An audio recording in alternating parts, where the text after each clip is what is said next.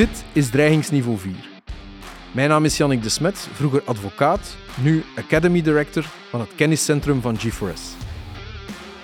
Professor Tom Sauer studeerde politiek en sociale wetenschappen aan de Universiteit Namen en de KUL, deed twee masters internationale politiek in Hull en in Bologna voor de John Hopkins University, deed een aantal internships bij de VN en de Europese Commissie, werd doctoraatstudent, achteraf postdoc, assistent-professor en is nu professor internationale politiek aan de Universiteit Antwerpen. Tom Sauer is ook erelid van de Rotary en zit in de raad van bestuur van Pax Christi en het Vlaams Vredesinstituut.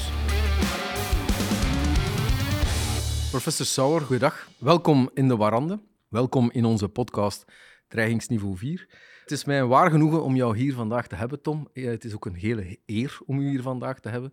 Een kleine boodschap vooraf. We kennen elkaar. Professioneel hebben we al eens samengewerkt in het kader van een project van van jouw studenten. En we doen dat dit jaar ook opnieuw.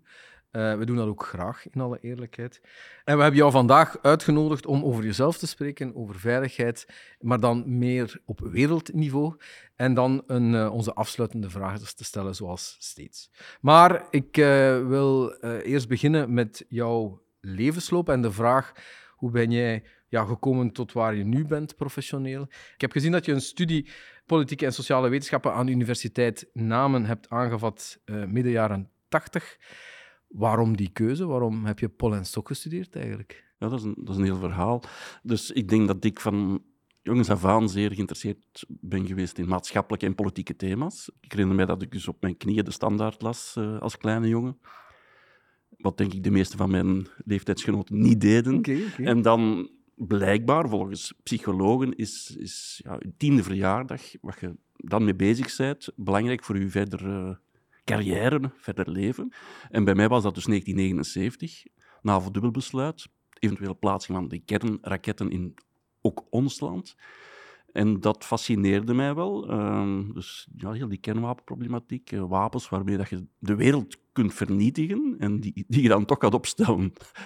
dat heeft mij altijd gefascineerd, hè, welke rationaliteit daarachter zat ja, nadien is dat dus nog gegroeid, die fascinatie voor die kernwapens. Uh, mijn ouders, die het nogthans geen linkse rakkers waren, katholiek opgevoed, uh, in, de, in, de, stille Kempen. Ja, die zijn mee samen met die 400.000 anderen gaan betogen in Brussel. Hè. Ik was daar ook. Ja, ja, ah, oké. Okay, ja. Ik heb het toen niet gezien. Nee, jammer uh, genoeg. Ja, dus uh, uit elk dorp zijn er toen bussen vertrokken van de KWB, you name it. de treinen zaten overvol. Je kon in Brussel-Noord niet uitstappen, omdat er zoveel volk aanwezig was. Er is nooit een groter betoging geweest voordien. En ook niet nadien, dus dat zegt wel iets. Ja in het college dan in het middelbaar een leraar godsdienst die heel het trimester besteed heeft aan die problematiek. Dus wij moesten boeken lezen, bespreken. Ja, zeer interessant, boeiend. Ja. En, en dus ja, dat heeft dan gezorgd dat ik eigenlijk aan de universiteit vredesonderzoek en strategische studies wou studeren, die vakken. Ja. En die gaven ze enkel bij politiek en sociale. Ja. Nu, mijn ouders, ik heb het net gezegd, waren geen linkse rakkers. En die vroegen aan hun vrienden, is dat wel een goed idee om politiek en sociale te gaan studeren? Want dat werd toen nog altijd gezien als een beetje als de vuilbak van de universiteit. Ja. Wat niet het geval Samen is. met de criminologie. Dan. Samen met criminologie. Maar nogmaals, uh, dat is vandaag niet meer het geval. Hè. Laten we dat even onderlijnen. En toen ook niet. Maar het compromis was dan want zij dachten, ja, rechten is veel beter, uh, om dan politiek en sociaal te gaan studeren in Namen. Dat was het compromis. Hè. En dus heb ik hard moeten werken. Als, om in een andere taal. Om in een andere taal. Uh, en dat is dan toch ja, gelukt. Hè. U gaat dan over naar de licenties, en die doet u aan de KUL. Op het einde van die licenties is er opnieuw een keuze die gemaakt moet worden. En kies jij dan al eigenlijk voor een academische loopbaan? Of zeg jij van, ja, ik wil nog een beetje studeren, maar ik weet het nog niet? Of wat, wat is jouw motivatie dan? Om ja, toch in, in Leuven hebben ze mij vijf extra vakken gegeven, omdat ik van Namen kwam. Dus ik denk niet dat er nog veel mensen zijn die achter mij gekomen zijn met hetzelfde traject. Uh, maar goed, ook dat is gelukt. En de meest interessante vakken waren die internationale politieke vakken, hè, onder meer gedoseerd door Luc Reichler uh, van de Meersen. En ja, dat heeft me dan zo gefascineerd dat ik nog een jaar extra heb gedaan uh, in Engeland en nadien nog een jaar in Italië aan Johns Hopkins. Ja, dat is niet zo dat ik toen al wist dat ik in de academische wereld terecht zou komen. Helemaal niet. Uh, nee, nee, nee. Wat heeft dat dan gemotiveerd? Hè? Zat dat in de familie of wa waarom zeg jij Nee, plots? nee. Want ik zie, je doet een aantal internships bij de UN en bij de Europese Commissie. En dan achteraf eh, kies je voor een doctoraat. Ja, ook omdat die internships, dat, ja, dat was een beetje de gewoonte vanuit die betere universiteiten, Johns Hopkins, hè, dat, je- dat je nadien een internship deed. Voor mij was het allemaal nieuw. Hè. Je moest een cv opstellen, ik wist niet eens wat dat was. Ja. En dus ben ik van Bologna rechtstreeks naar Genève gegaan voor een internship aan de Verenigde Naties, eh, UNIDIR. Dus dat zijn diegenen die bezighouden met eh, ontwapening. Mhm. En ik heb nog altijd contact met een directeur van toen, eh een Noor. Dus ook dat is wel nuttig natuurlijk, de netwerken via die stages en internships. Maar uiteindelijk vond ik dat die internships, ook hier in Brussel bij de Europese Commissie, mij eigenlijk niet echt meevielen. Dat was zo bureaucratisch. en Ja. Mijn karakter is anders. Ja. Ik, wil de vrijheid en ik wil ook de vrijheid om te kunnen zeggen wat ik wens. Mhm.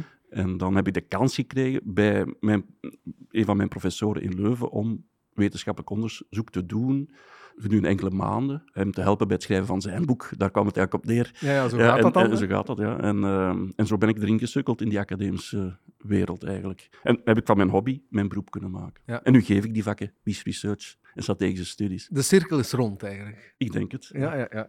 ja uiteindelijk dan doctoraatstudent, uw doctoraat afgehandeld, dan assistent-professor aan de Universiteit in Antwerpen en inderdaad nu professor internationale politiek in Antwerpen. Je, hebt ook nog, je doet ook nog wel wat dingen ernaast.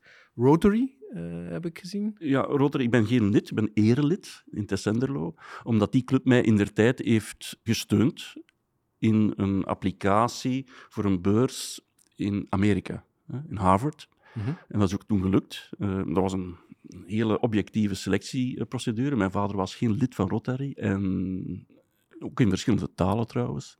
En ik had een streepje voor, omdat ik al in het buitenland had gezeten. Mhm. Engeland, Italië. En dus hebben mij die grote beurs gegeven. Ze waren er maar drie, denk ik, in België.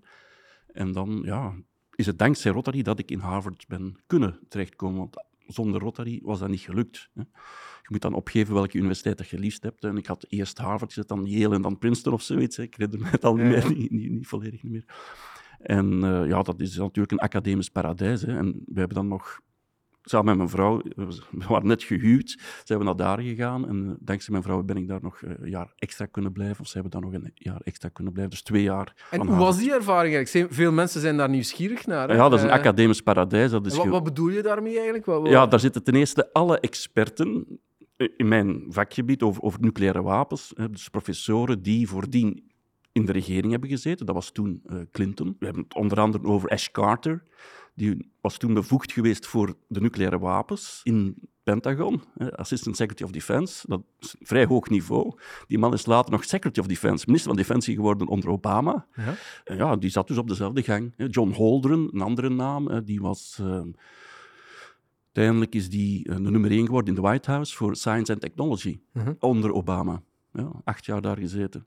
Dus en met die mensen kon ik eigenlijk elke dag spreken als ik wou. hè. En daarbovenop kwamen dan al die andere professoren uit heel de wereld wel eens langs. Ja, eh, Ja. voor een seminar. Elke dag was er iets te doen. En ook oud-politici en politici. Ik heb Mandela daar gezien, Al Gore, eh, de Chinese president van toen. Dus allee, is niet Alles te geloven. Biden, ja, in kleine en grote groepen. Dus ja, dat is En heeft dat paradijs. uw huidig ja, lesgeven beïnvloed? Eh, Heb je daar iets van meegenomen? ja, ja. ja. Ik- ik- bijvoorbeeld wat Ash Carter gezegd heeft in een van zijn lezingen, was dat voor Amerika er toen, en nog altijd, eigenlijk drie categorieën van bedreigingen zijn. De A, B en C threats. Mhm. En in de tijd, in de jaren negentig, was er geen A-threat. En hij wilde dat die een A-box leeg bleef. Mhm. Ja? Nou, we spreken einde van de Koude Oorlog. Ja. Nog relatief goede relaties met Rusland. En de B-threats, dat waren dan de Iraks hè, eh, van een tijd, hè, 1991.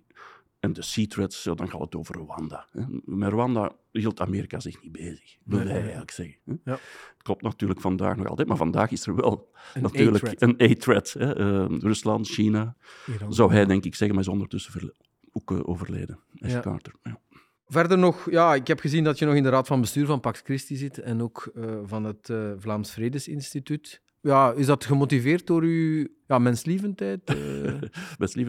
Maar ik weet niet, ik ben in der tijd door die fascinatie met kernwapens, ben ik natuurlijk door de vredesbeweging ook gefascineerd geraakt. Hè, en ben ik vooral in Pax Christi actief geweest, ook in die werkgroep Veiligheid en Ontwapening, Mhm. met toen de tijd ook grote namen zoals Ignaas Lindemans, Robert de Gent, mensen allemaal overleden natuurlijk. Uiteindelijk ook in de algemene vergadering en nu ook in de raad van bestuur. Ik leid ook de werkgroep Veiligheid en Ontwapening van Pax Christi Vlaanderen, waar dat we inderdaad met een kleine groep van, ja, vooral mannen, dus vrouwen die luisteren mogen zich altijd nog aansluiten, zou proberen fijn de wereld te doorgronden en wat te verbeteren door middel van kleine acties ehm, die meestal niet het nieuws halen, jammer genoeg. Maar zo proberen we toch de wereld een beetje beter te maken. Oké, mooi. Nu, ik ben gaan kijken op de website van de Universiteit van Antwerpen en ook over alle materies waarmee je je bezighoudt. En twee termen die daarop voorkwamen en die mensen denk ik niet meer kennen, omdat het wat oude woorden zijn, maar die eigenlijk heel actueel zijn. Dat zijn de woorden proliferatie en non-proliferatie. Dus misschien even daarmee beginnen, ons tweede deel. Wat versta jij daaronder en wat is dat nu eigenlijk? Eh, En, en wat, hoe, hoe draait, draait jouw onderzoek daar nu nog rond? Dus proliferatie is eigenlijk een moeilijk woord om verspreiding te betekenen. hè. Eh, dus het gaat dan meestal over de verspreiding van massavernietigingswapens, hè, proliferatie van kernwapens. En ja, de bedoeling is natuurlijk vanuit de internationale gemeenschap om die proliferatie tegen te gaan, hè, Mhm. zoveel mogelijk. Vandaar dat er ook bijvoorbeeld een nucleair non-proliferatieverdrag bestaat. hè. Dat is nog altijd een heel belangrijk verdrag, eh, gesloten in 68, van kracht geworden in 1970. En eigenlijk ondertekend door quasi alle staten in de wereld, behalve een drietal, hè, India, en als je India zegt Pakistan, Mhm. eh, en Israël. Ja. Drie landen die toevallig toen al waarschijnlijk wisten, ah, we gaan dat niet tekenen, want dan zouden we niet de mogelijkheid hebben om kernwapens aan te maken, want dat, eh, ze zouden dat moeten ondertekend hebben als niet-kernwapenstaat. En achteraf hebben ze dat dus ja, bewezen. Hè. Ze hebben dus eigenlijk niks misgedaan, maar toch kernwapens aangemaakt. Hè. En dat zijn de En Iran, heeft. Iran dat getekend? Iran eh, is inderdaad een, een, een land dat dat heeft getekend als niet-kernwapenstaat, trouwens als een van de eerste. En dus beloofd om nooit kernwapens aan te maken. En dus heel fascinerend land, eh, want het staat Ja. vandaag heel dicht bij die Ja, kernwapens. voilà. Ja. En mocht de Ayatollah, de eh Khamenei, beslissen om nucleair te gaan, dan ja, is de inschatting dat dat vrij snel kan gebeuren. Hè. Misschien is dat dan ook een, een goede vraag. Wat is eigenlijk een beetje de stand van zaken? Hè? Hm. Ik herinner mij inderdaad mijn jeugd, waar die kernwapens een, een onderwerp was. Hè? Heel lang is dat helemaal geen onderwerp geweest. We hebben zelfs de indruk gehad, denk ik, dat ze niet meer bestonden. Hè? Dat ze werden afgebouwd, afgebouwd, afgebouwd. Zeker naar het einde van de, de Koude Oorlog toe. Wat is eigenlijk een beetje de huidige stand van zaken? Moeten we, daar, moeten we ons daar nog zorgen om maken? Of is dat iets waarvan dat we kunnen zeggen, ja, ja dat is zo'n een afschrikkingsmiddel, maar geen zorg? Correct, hè? Wij gingen dus betogen in de jaren tachtig. En trouwens niet enkel in ons land, hè? In, in heel Europa, in Amerika. En mensen lagen daar wakker van, hadden angst, hè? echt schrik, Ja. de emoties. En terecht. Maar dus waarschijnlijk objectief bekeken is de dreiging vandaag groter. Hè? Is de kans reëler dat die kernwapens zouden worden ingezet vandaag. En niemand ligt daar nog wakker van. dus, dus dat is een bizarre vraag. Kost, Contradictie. het is een contradictie. En effectief, na het einde van de Koude Oorlog, dacht iedereen, ah, die kernwapens zijn ook verdwenen, wat natuurlijk niet zo was. Hè. Die zijn allemaal blijven staan, of grotendeels toch. Allee, de aantallen zijn wel naar beneden gegaan, maar nog altijd meer dan voldoende om de wereld verschillende malen te vernietigen. En dan sinds de jaar, mid jaren 90 is het eigenlijk wat beginnen te stoppen hè, met, met ontwapenen. Eh, De stokken in de wielen. Met name door de verslechterende relatie tussen Amerika en Rusland. Toen al. Mhm. Herinner u de oorlogen in Joegoslavië, hè, Mhm. waarbij Rusland dan eerder Servië steunde, als, ja, omwille van historische redenen, en wij de andere kant. En dan vooral door die NAVO-uitbreidingen is, is het dan toch misgelopen in die relatie. En komt daarbij de binnenlandse politiek in Amerika, hè, die dus zeer gepolariseerd is geraakt vanaf midden jaren 90 onder Clinton, tussen de Democraten en de Republikeinen. En sindsdien kunnen die twee niet meer door dezelfde deur, jammer genoeg. En voor wapenbeheersingsakkoorden heb je ook het parlement nodig in Amerika, het congres, voor de goedkeuring daarvan. Dus dat maakt dat ja, sindsdien het veel moeilijker geworden is in Amerika om akkoorden toe te staan eh, en, en te tekenen met Rusland, hè, bijvoorbeeld. Eh, en daarnaast dus, zoals al gezegd, de geostrategische constellatie die, die veel minder goed geworden is. Hè. Waar staan we nu in het algemeen? ja. Ehm, het, het, ziet er echt niet goed uit. bedoel, en het, het, komt jammer genoeg niet in het nieuws. Hè. Er zijn andere katten te geesten blijkbaar. Klimaat, uh, Oekraïne, nu de Gaza. Hè. Het is altijd wel iets anders. Maar dus als je kijkt gewoon naar de wapenbeheersing, maar ook naar ontwapening ja, en naar proliferatie, ja, dan, dan, zijn we drie keer in de crisis terechtgekomen. Wapenbeheersingsakkoorden worden allemaal in de prullenmand gegooid. Die zijn er niet meer. Hè. Denk aan het CTBT, dat het testopverdrag. Dat is nog altijd niet van kracht geworden. Ondertekend door Clinton in der tijd. Mhm. Nog altijd niet van kracht. Hè, omdat Amerika en China en zes andere landen dat niet willen ratificeren. Mhm. Er wordt gelukkig niet meer getest, tenzij in Noord-Korea. Uh, maar goed, dat, ook dat kan gaan veranderen. Er zijn geruchten dat zowel Rusland als China mogelijk geïnteresseerd is om terug te gaan testen. Waar, waar zijn we dan? Daarnaast het EBM-verdrag over missile defense, al onder Bush in de prullenmand gegooid, unilateraal. En Poetin kon daar niet mee lachen. Hè. En nog altijd niet. En de bedoeling van dat, van dat uh, uh, verdrag, wat was dat eigenlijk? Om... Van het EBM-verdrag was eigenlijk om de hoeveelheid installaties van antiraketschilden te beperken, raar maar waar. Maar dus men geloofde in die nucleaire afschrikking. En, en, nog altijd, hè, dat zijn de voordelen van die kernwapens, zo gezegd. Hè. Ik denk dat je daar ook wel heel veel vragen kunt bij stellen, maar dat is misschien voor straks. En dus was het niet de bedoeling om ja, die nucleaire afschrikking volledig te ondermijnen door heel veel van die antiraketsystemen op te stellen. En dus heeft het EBM-verdrag, ondertekend door Amerika en de Sovjet-Unie in de jaren 70, beslist om dat echt heel sterk te beperken. En bijvoorbeeld in de Sovjet-Unie was dat dan enkel opgesteld rond Moskou. En nog altijd opgesteld rond Moskou. Mhm. Maar dus op een gegeven moment, Bush heeft daar de stekker uitgetrokken met de bedoeling om veel meer antiraketsystemen te kunnen opstellen. En daardoor voelde Rusland zich bedreigd, want Rusland is eigenlijk een derde wereldland met kernwapens. Ik ja. overdrijf nu. De waarde van die kernwapens uh, was dan veel minder groot voor Rusland. Hè. Zo werd het althans gepercipieerd in Moskou. En ik begrijp dat ook. Kanttekening, de meeste van die raketsystemen, die grootschalige, werken wel niet. Okay. Ja, dus dat is eigenlijk een soort jobprogramma ja, ja. in Amerika. Uh, maar goed, uh, de Russen gaan zoals iedereen uit van worst-case scenario's en moeten ze ervan uitgaan dat die dingen toch werken. Ja, natuurlijk. Ja. En daarom liggen ze er wakker van. Dus naast die verdragen hebben we dan ook soortverdrag. Ja, dat was beperkt. Eh, bilateraal strategisch verdrag tussen Amerika en de Sovjet-Unie onder Bush. New START, dat is het laatste verdrag. Dat bestaat nog, maar dat loopt af in 2026. Het gaat over strategische kernwapens tussen de belangrijke, hè, de, grote systemen tussen Amerika en, en Rusland. Maar niemand verwacht dat er een opvolgingsverdrag komt.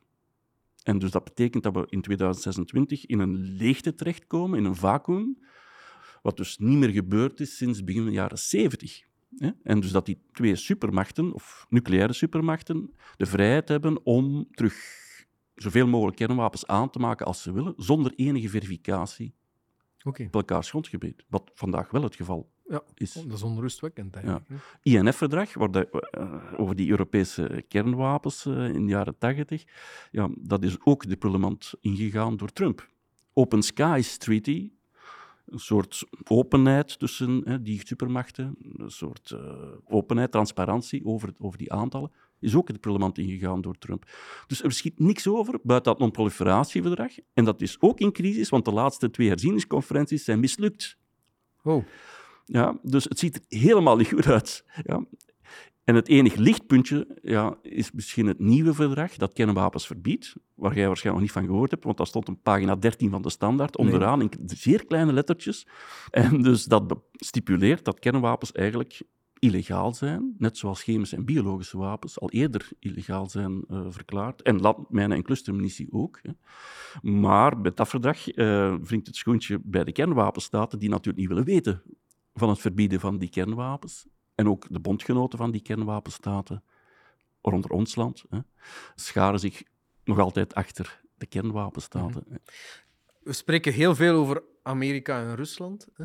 Maar zijn er nog andere spelers nu op het internationaal toneel die zich ondertussen die zich bewapend hebben en waar men zich zou kunnen zorgen over? Los van misschien Iran, hè, want dat is eigenlijk die, de, de twist een beetje tussen Israël en Iran. Maar los van het Midden-Oosten zijn er nog andere spelers, wat we zeggen? Ja, we hebben uh, China aangehaald. China heeft gedurende decennia een soort minimum deterrence gehad. Minimale afschrikking, dus lage aantallen, enkele honderden Mhm. In tegenstelling tot de duizenden van Amerika en de Sovjet-Unie en Rusland. Had een, nog altijd een no first use. Dat betekent dat ze eigenlijk een beleid hebben dat stelt dat ze niet als eerste kernwapens ga- gaan inzetten.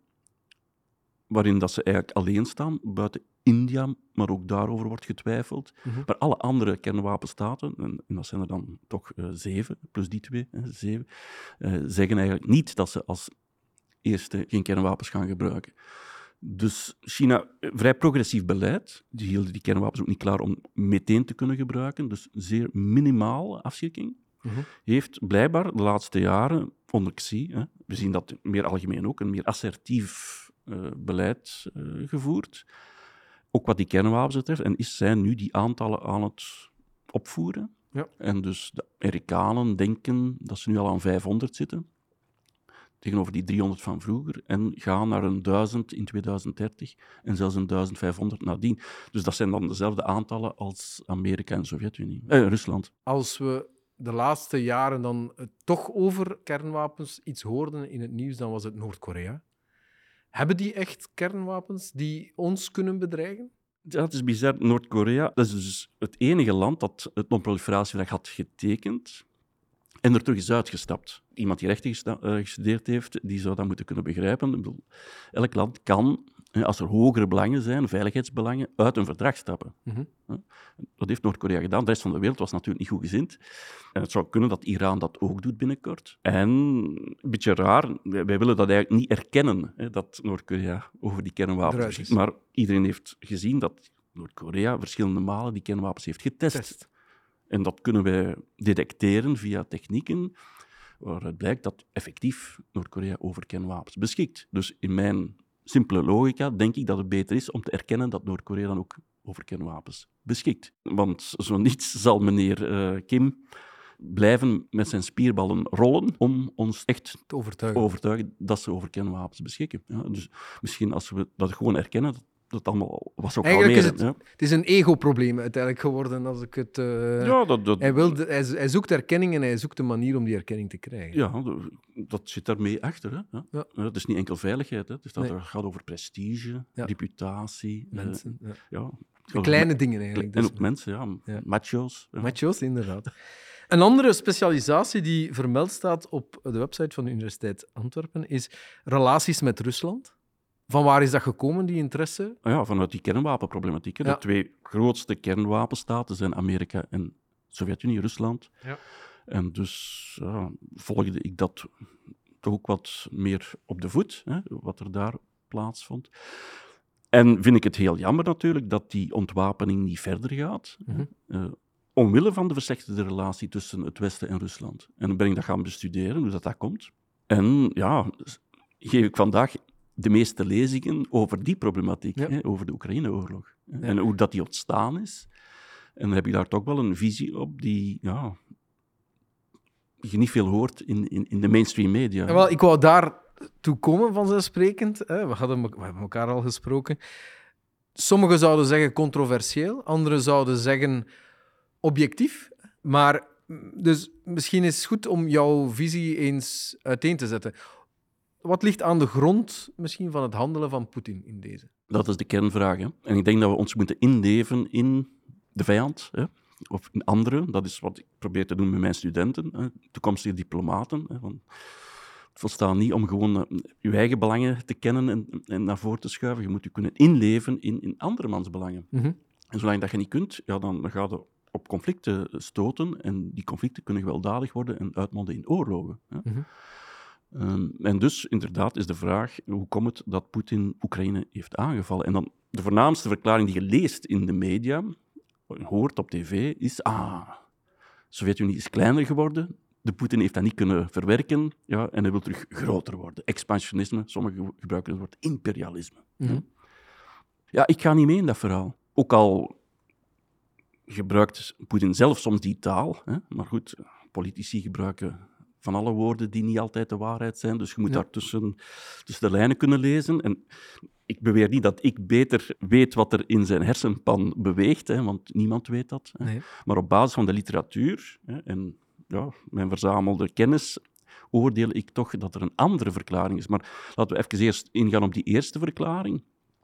Expansionisme. Ik heb geen expansionisme gezien na de Koude Oorlog. Mhm. Tenzij die frozen conflicts hè, in, in Georgië, uh, Moldavië. Maar dat zijn kleine stukjes dat Rusland dan misschien bezet heeft, maar vooral om, met de bedoeling om die landen geen lid laten worden van de NAVO. Hè. Mhm. Niet om, om die landen helemaal te gaan innemen en te bezetten, dat niet. Hè. Ja, je hebt wel de Krim. Dat is een En beetje... de, de Krim is dan de enige uitzondering, maar dan zitten we al in 2013, 2014. Ja. Ja. dus tussen 1991 en 2014 heb ik dat niet gezien, die uitbreidingsdrang Mhm. van Rusland. Trouwens, het is het, het grootste land van de wereld. Hè, dus ja. ik denk dat het groot genoeg is. En, maar goed, ehm, komt erbij dat Rusland ook niet in staat was en is om andere landen echt te gaan bezetten. Ja, als je gewoon naar de machtscriteria kijkt, demografisch, ja, zijn zij krimpende. Wij zijn met 500 miljoen in Europa, Rusland met 160 en Mhm. krimpende. Economisch, het BNP van Rusland vandaag is even groot als België en Nederland samen. Mhm. Stelt niks voor. Nee. Toch niet veel. Ja? Het is natuurlijk wel veertien keer groter dan Oekraïne. Ja? Mhm. Ehm, en daarnaast militair, ja, dat is misschien de belangrijkste machtsfactor. Hoeveel geven wij uit aan defensie en hoeveel geeft Rusland uit aan defensie? En die vraag die wordt nooit gesteld op tv. Ja? Mhm. Maar dus dat zijn gewoon pure feiten. Ja? En die je kunt lezen in CIPRI-materiaal of andere Ja. bronnen. En dan is het zo dat wij in Europa alleen per jaar 350 miljard uitgeven aan defensie. Mhm. België is niet eh, de grootste contributeur, maar Nee. eh, Europa als dusdanig, en we leven in de Europese Unie, je mocht dat optellen. Hè. Eh, en als je daar de Amerikaanse budgetten bij voegt, want we zitten binnen de NAVO, Mhm. ja, dat zijn er nog eens eh, 800, 850, dan kom je aan 1200 miljard euro of dollar per jaar dat wij in het Westen uitgeven aan defensie. Ja. En dan eens even kijken naar Rusland. Tot voor kort 60. En nu met de oorlog 120. Dat is nog tien keer minder. Mhm. Dus Poetin heeft, zelfs als hij de intentie zou hebben, niet de capabilities om met zijn tanks tot hier te, te rijden. Hè? Nee. Forget it. Maar de mensen hier hebben wel schrik dat dat gebeurt. Ja? Nu, ik begrijp ook dat je in Rusland meer kunt verkrijgen met het geld eh, dan hier. Hè? Maar dan nog is er een geweldige kloof hè, tussen Rusland enerzijds en het Westen anderzijds qua uitgaven van defensie. Dus er moet een andere verklaring zijn. Hè? En die Van verklaring heeft een beetje te maken ook met binnenlandse redenen. Hij zag natuurlijk dat de democratiseringsgolf van West-Europa naar Oost-Europa overwaaide. Naar Oekraïne, herinner u de kleurenrevoluties? Ja. En schrik had dat dat zou overwaaien naar. Moskou, naar Rusland. En als dat gebeurt, ja, moeten die mannen opkrassen. Dat willen ze natuurlijk niet. Nee. Ja, en daar heeft hij een stokje willen voor steken. Maar een nog belangrijkere verklaring, en dat is denk ik ja, degene die echt wel pertinent is en plausibel, en dat heeft te maken niet met macht, niet met binnenlandse politiek, maar met veiligheid. Of een gevoel van onveiligheid. Mhm. En dan meer bepaald kom ik terug eh, bij die verschillende NAVO-uitbreidingsgolven. De NAVO die is voort blijven bestaan na de Koude Oorlog, in tegenstelling tot Warschau. het Warschau-pact, een tegenhanger. Het is geïmplodeerd in 1991. Mhm. De NAVO, ook een alliantie, een defensie, collectieve defensieorganisatie, is raar maar waar blijven voortbestaan in vredestijd. Mhm. Dat is heel, heel bizar. Dat is een aberratie in de wereldgeschiedenis. Ik ken er geen. Ja.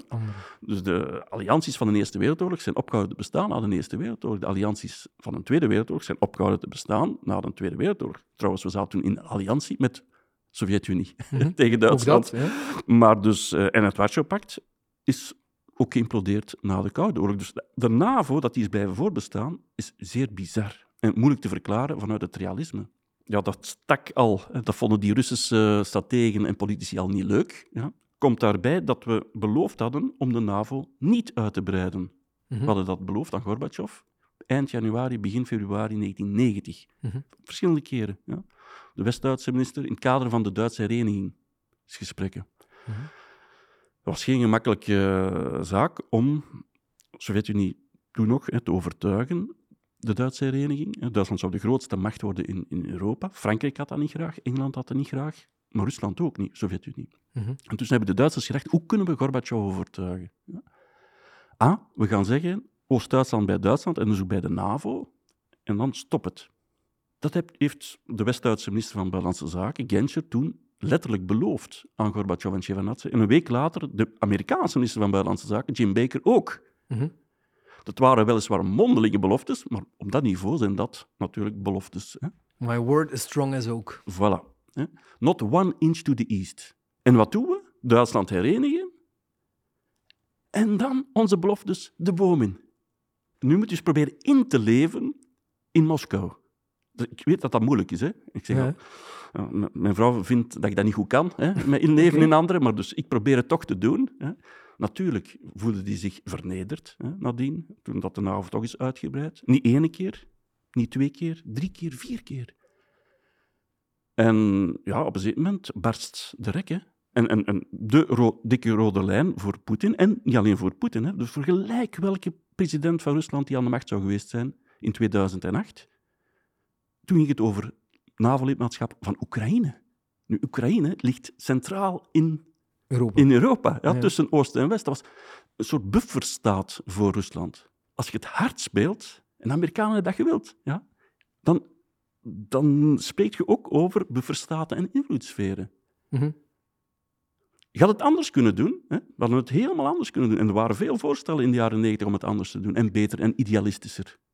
Ja? Een soort collectieve veiligheidsorganisatie, inclusief Rusland. Rusland zit natuurlijk hè, sinds begin in de Verenigde Naties, in de Veiligheidsraad. In de Veiligheidsraad. Maar nu komt het natuurlijk, hier opnieuw, na de Koude Oorlog. Wat hebben we gedaan in 1999? Kosovo uit Servië gehaald. De grote vriend van Rusland.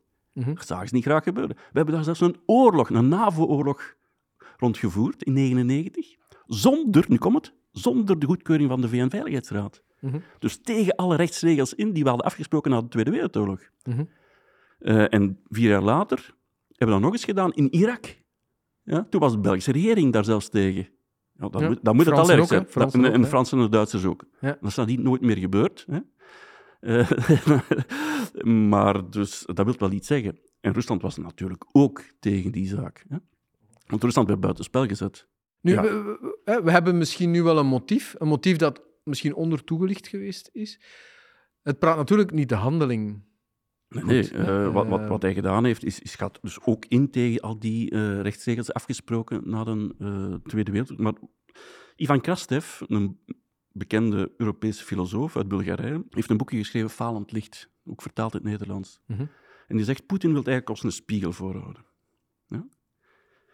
Wij hebben Kosovo uit Servië gehaald. En wel, zegt de Poetin, ik de Krim uit Oekraïne. Wat is het verschil? Hij gaat verder, hè, Krastev.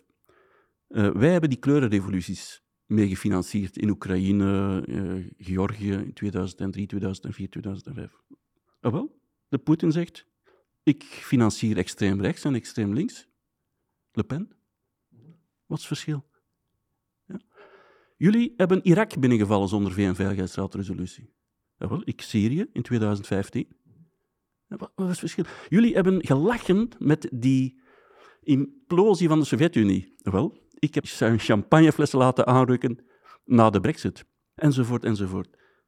Dus eigenlijk, zegt Krastev, hebben wij constant het verkeerde voorbeeld gegeven. Want al die voorbeelden die, die hij opsomt en die ik nu herhaal, daar is het zo dat het Westen eerst de fout heeft gemaakt en dat Poetin gewoon copy-paste doet. Maar dus dat zien we niet en dat willen we niet zien natuurlijk, dat we zelf ook fouten hebben gemaakt. Mhm. Als allee, internationale vrede en veiligheid, we hebben fouten gemaakt. Eh, hij heeft fouten gemaakt, wij hebben fouten gemaakt. Maar nu moeten we terug. En veel mensen stellen zich nu de vraag: oké, hoe pakken we dit aan? Het, het wordt eigenlijk een, eh, een, een, een heruitgave van quasi de Eerste Wereldoorlog. Het is een, een, een, een, gefixeerde eh, oorlog eh, in, in, het modder, in de modder van, van Oekraïne. Alleen, hè, en er zijn voldoende die zeggen, ja, ehm, oorlog is maar een, een politiek in andere vorm. Hè, dus we moeten nu terugkeren naar de meest vreedzame vorm. Wat zou jouw advies dan zijn? Zou jouw advies zijn om te zeggen, oké, stop NATO? Of... Nee, wat, wat die oorlog betreft, je hebt gelijk, we zitten in een impasse. Hè, loopgravenoorlog. Mhm. Alle jaren eigenlijk, hè, want het lenteoffensief van Oekraïne is mislukt, ondanks onze wapenleveringen eh, en intelligence.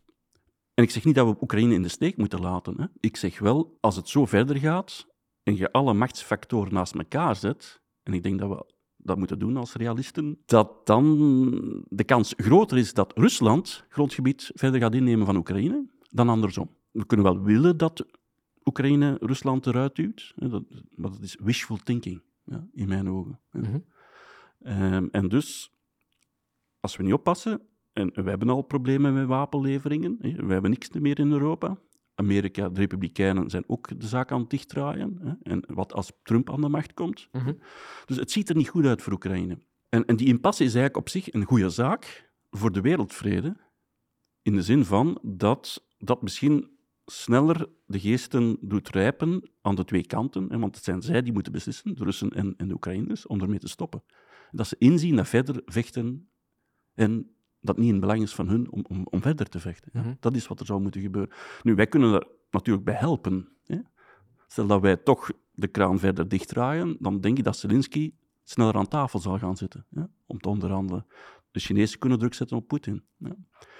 Uh, en dan liggen alle puzzelstukjes eigenlijk klaar. Hè. Uh, ik denk dat Oekraïne een soevereine staat kan blijven, zij het wat kleiner.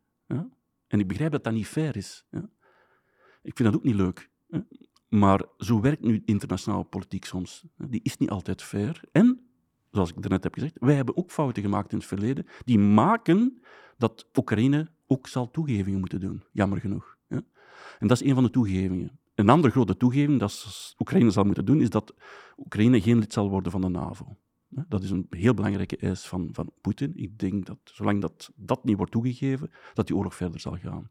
Maar uh, aan de positieve zijde van Oekraïne. Oekraïne kan dus soeverein blijven, een democratie worden, wat het nog niet geweest is, tussen haakjes. Zelensky kan misschien opnieuw de verkiezingen winnen en gewoon leider blijven. Hè.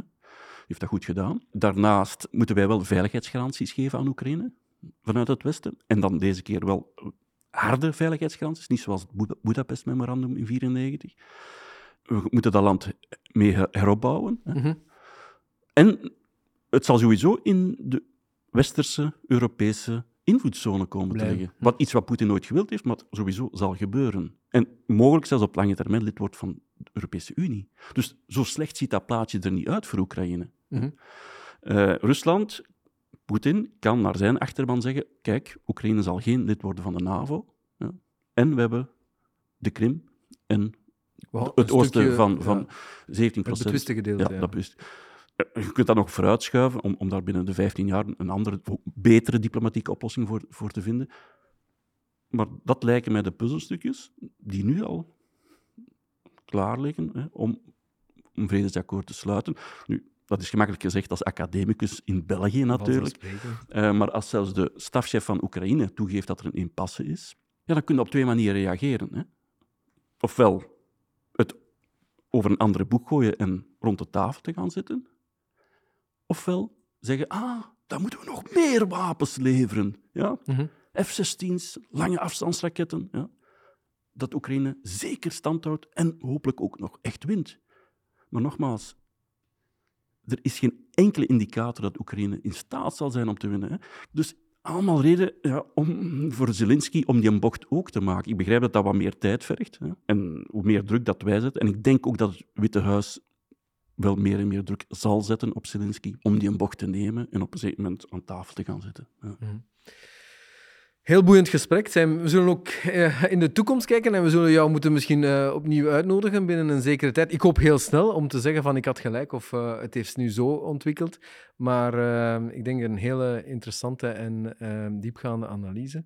We komen een beetje bij het laatste deel van onze podcast. Ehm, en mijn eerste vraag is, zijn er groepen, mensen, volkeren die minder veiligheid of beveiliging verdienen dan anderen? In principe ben ik natuurlijk dat, voor dat elke onderneming en, en, en, elk land en elk volk zich veilig voelt. Ik bedoel, dat is het ideale. Uh, daarvoor, daar moeten we naar streven. Maar we kunnen ook te veel veiligheid geven. Dat is ook niet goed. Ik denk dat er, dat heeft te maken met veiligheidscultuur. Mm ik denk dat wij een beetje aan de onderkant zitten hè, qua veiligheidscultuur. Maar hoe dat in Amerika eraan toe gaat, is denk ik ook niet het ideale. Hè. Mm er is te veel aan veiligheidscultuur. Eh, of in Israël, uh, garnizoenstaten. Dus ik denk dat er een middle of the road moet worden gevonden uh, op vlak van het beveiligen van groepen, ondernemingen. En heb jij een tip voor de mensen, voor de luisteraars, rond uh, hun perceptie, hun gevoel rond veiligheid, hoe dat zij zichzelf kunnen beschermen. Zeg jij, heb jij een tip aan de mensen om te zeggen van, ja, denk zo, doe zo? Uh... Ja, ik denk sowieso kritisch te zijn mm, naar wat ze lezen en horen in de media. Hè. Maar dus ook de sociale, of misschien nog meer de sociale media, maar dus ook de mainstream media vind ik soms falend in ons land. Hè. Nu, in Amerika nog meer en in Rusland nog veel meer, hè, voor alle duidelijkheid. Maar toch, het kan beter, denk ik, wat informatie uh, betreft op tv. En, of, of toch objectiever en, en, meer stemmen aan het woord latende. Uh, en daarnaast denk ik, ja, het goed doen op persoonlijk vlak, hè? In, in persoonlijke relaties, in het gezin enzovoort. Ik denk dat dat heel, heel belangrijk is en vandaag te weinig wordt gezegd. Hè? Uh, mensen die gelukkig zijn in hun gezin, ja, die hebben veel meer mogelijkheden, kracht, energie om ook dan nog andere mensen uh, gelukkig te kunnen maken of te gaan helpen. Hè? Dank u wel, Tom. Ik vond het een heel, heel interessant gesprek met een totaal andere visie. Het is ook, dat was ook de bedoeling van ons gesprek, denk ik, een aantal ogen te openen. Um, dus van harte bedankt voor dit uh, overleg en uh, tot een volgende keer dan wel. Graag gedaan.